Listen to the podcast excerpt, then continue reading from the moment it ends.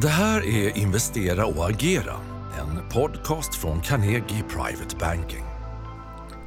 Det är torsdag den 27 augusti och klockan är nu 15.00 och ni lyssnar på mig Carl Hedberg här från Aktiemäkleriet på Carnegie Private Banking. Jag tänkte idag prata lite grann om sentimentet på börsen just nu och hur vi råder våra kunder att agera. Och dessutom så tänkte jag lyfta upp ett aktiecase som vi tycker ser intressant ut här nu.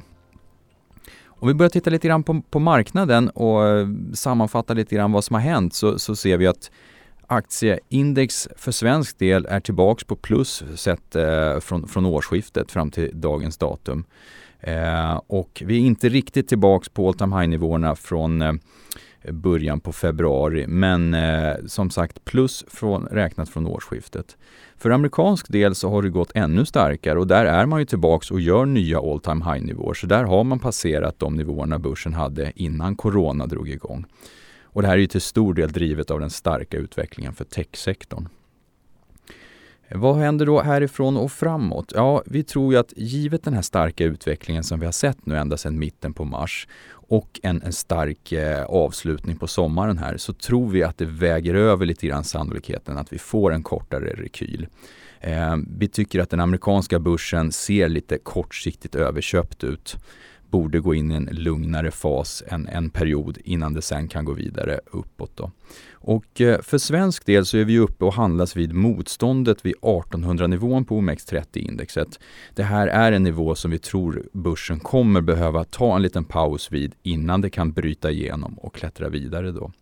Eh, men då är frågan, kommer det vända ner kraftigt från den här nivån eller inte? Nej, vi tror inte att det kommer göra det utan det bästa rådet vi ger är ju att man ska försöka invänta en kort rekyl ned men sen komma in som köpare. Vi tror att börsen för svensk del kommer ta sig igenom det här och sen utmana då de tidigare all time high-nivåerna som vi såg här då runt månadsskiftet januari-februari. Men det blir ju givetvis viktigt att hålla koll på ett par saker eh, som kan påverka den här utvecklingen. Egentligen åt båda hållen då som skulle kunna ge bränsle till ytterligare uppgång men även då skälpa den här styrkan i i börsuppgången. Och eh, det jag tycker man ska titta lite grann på det, det, är ju då den här virusspridningen som en faktor. Vi har ju sett nu att man har öppnat upp eh, ekonomierna lite grann och eh, under sommaren här så har man ju även tillåtit en hel del turism runt omkring i Europa som ett exempel. Och där ser vi då faktiskt att, att vissa länder då, som Spanien har fått en, en ganska kraftig fart på virusspridningen på nytt. Och det här skulle givetvis vara negativt om det här skulle sprida sig på samma sätt i, i stora delar av Europa. Eh, att det inte är lika koncentrerat till vissa länder utan att det blir, blir mera Eh, en bred spridning runt omkring i, i Europa. Eh, så det, det, är en faktor. Eh, det andra är att jag tycker man ska hålla lite koll på vad som händer nu med varslen. Eh, vad händer nu när de här korttidspermitteringarna börjar trappas ner? Kommer det här ersättas med eh, varsel om uppsägning istället och då leda till en, till en ökad arbetslöshet här när vi går in mot höst och, höst och vinter? Så att vi får väl se. Vi har ju sett lite sådana exempel att bolag då faktiskt har avslutat sådana här permitteringsåtgärder och sen då istället ersatt det med varsel. Men vi, vi vill ju gärna inte se att det blir en, en bred åtgärd bland, bland de flesta bolag utan än så länge är det är ett fåtal bolag som har gjort det men vi vill bevaka då och se vad som händer generellt sett på marknaden.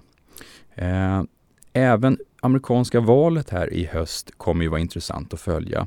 Och marknaden ogillar ju osäkerhet generellt sett och valutgången i USA får man väl säga är väldigt osäker än så länge. Tidigare såg det ut som att Trump hade ett stort övertag men i takt med att coronaviruset spred sig och den osäkerhet som det gav så har ju det här blivit en, en förändring av eh, förväntningarna på valutgången. Så att osäkerhet inte bra för marknaden, eh, men det är nog sannolikt mer en kortsiktig effekt. Efter valet tror vi ändå att det finns stöd för, för stigande aktiekurser.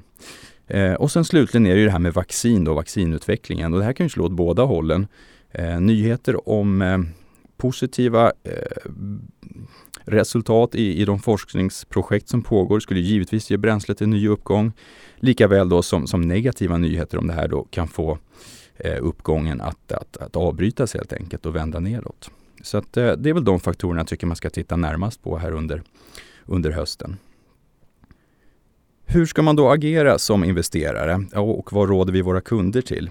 Ja, kortsiktiga investerare som är fullinvesterade just nu tycker jag att man kan faktiskt fundera på att ta hem lite vinster då om man har legat i marknaden här nu under vår och sommar. Öka på kassan lite grann för att ha lite, lite pengar vid sidlinjen och köpa om vi nu får den här korta rekylen som vi ändå tror kommer ske. Eh, och då är det nog inte att förvänta sig några jättestora nedgångar utan ett antal procent ner. Där, där tror jag man ska komma in som köpare lite grann och sen får man väl göra det i olika omgångar då helt enkelt. På lite mer medellång sikt, de investerarna som inte försöker fånga de allra kortaste rörelserna, ja men då tror jag då kan man nog sitta ganska stilla men vara beredd på att vi får en mer avvaktande marknad in mot det amerikanska valet under senare delen av hösten. Eh, och eh, man får vara beredd på att vi kommer se några rekyler som följs av, av sannolika eh, rörelser uppåt på nytt. Men att man ändå då är positionerad för en fortsatt stigande börs på, på lite längre sikt. Eh, och den långsiktiga aktieinvesteraren, ja men har man inte en, Eh, en, en, den långsiktiga aktievikten man, man har tänkt sig att ha, ja men då ska man nog faktiskt öka på det. Sen behöver man kanske inte göra det här närmsta dagarna utan man kan avvakta och se lite grann vad som händer för svensk del då, om det här eh, motståndet vid 1800 bryts eller inte eller om det vänder ner lite grann. Men som sagt, vid en mindre rekyl ska man nog ta tillfället i akt att öka aktieexponeringen. Och vi tror ju framförallt att det är de här stora likviditetsåtgärderna som man har genomfört då, tillsammans med det extremt låga ränteläget som vi nog sannolikt får, får räkna med kommer bestå under ganska lång tid. Det är det som ger stöd till, till fortsatt stigande aktiekurser på sikt. Så att, eh, det är det vi tycker talar för att man, man ska behålla en, en ganska stor andel aktier i sin portfölj. Och eh, det man då kan göra eh, om man sitter still i, i marknaden, ja, det är att man behöver inte sitta still på samma aktier som man äger, utan man kan ju titta på om det är någonting man kan byta ut och omplacera. Och här tycker vi väl att man kan kika lite grann på många av de här cykliska aktierna som har gått väldigt starkt. En hel del av dem ser ju faktiskt ut och var rätt så fullvärderade i ett lite kortare perspektiv. Och vi tycker att många aktier som har mer defensiva kvaliteter snarare fått lite oförtjänt dålig utveckling i den här starka börsen. Så att här finns det lite intressanta eh, byten att göra. Och, och, en sån aktie som jag tycker kan vara intressant att stoppa in i portföljerna det är bolaget Scandi Standard. Det här är ju bolagets, eh, eller det är Nordens största kycklingprocent det här bolaget. Eh, Kronfågel är det varumärket man ser i, på den svenska marknaden. Och vi tycker att det här bolaget är för lågt värderat givet de defensiva kvaliteterna som de har. Bolaget värderas på börsen till ja, runt 11-12 gånger vinsten på nästa års vinster. Och eh, det tycker vi väl är lite för lågt egentligen om man jämför mot många andra bolag. Eh, vi ser ju att de har haft en relativt liten påverkan av de här negativa coronaeffekterna. Det man har tappat på försäljning mot restaurangsegmentet, det har ju vägts upp av den försäljning som har ökat i, i livsmedelsbutiker eftersom man äter mer hemma istället. Eh, och dessutom då det långsiktiga eh, aktiecaset, ja, men det är att vi tror på en strukturell tillväxt för, för kycklingkonsumtionen. Och det finns ju flera skäl till det. det. Dels är att vi i dagsläget äter mindre kyckling i Norden än vad man gör på, på andra håll i Europa och USA. Och det tror vi inte kommer se ut så över tid, utan det här kommer nog närma sig de nivåerna som vi har i övriga världen. Och sen har vi då hälsoskäl med det här, hälsotrenderna, där man eh, ser att trenden går från att äta mera rött kött till att då istället äta andra typer av, av kött. Och där tror vi kyckling kommer vara en, en sån vinnare på det. Och sen har vi då miljömässiga skäl att den här djurhållningen är mindre utsläpp i. Och då sist också ekonomiska skäl att det är billigare att föda upp kyckling än vad det är att föda upp nötkreatur. Så att eh, det vi tror då kan vara potentiella triggers för en omvärdering av eh, det här bolaget, ja men det är då dels den här sektorrotationen att många konjunkturkänsliga bolag har gått väldigt starkt. Vi tror man börjar titta på de här som har släpat efter lite grann. Eh, vi tycker dessutom då att värderingsskillnaden börjar bli lite stor mot de här laxbolagen som vi då framförallt har i Norge.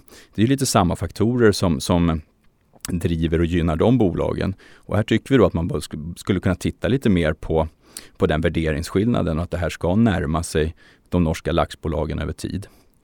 Eh, och det som verkligen skulle kunna trigga lite grann fart på aktien det är ju om man gör fler förvärv då ute i Europa. För det ger ju både tillväxt och riskspridning geografiskt. Och slutligen då så, så, tror vi att det finns en potential till höjd utdelning i den här aktien. Och det har att göra med att nästa år så betalar man den sista tilläggsköpeskillingen för det senaste förvärvet man gjorde i Irland. Så att när det är betalt och klart så har man ett ganska gott kassaflöde som man sannolikt skulle kunna skifta ut delar av till aktieägarna. Så att det här tycker vi är en intressant aktie att titta, titta närmare på och eh, addera i portföljen. Det här aktiecaset är en sammanfattning av Carnegies analys som publicerades för Carnegies kunder den 26 augusti. Mer info om aktien finns länkat i beskrivningen till den här podden. Historik och underlag kan du få genom att mejla mar-information carnegie.se. Tack för att du har lyssnat! Du vet väl att den här podden finns på både Spotify och iTunes? Om du tyckte det här avsnittet var bra får du gärna ge oss ett betyg eller rekommendera podden vidare.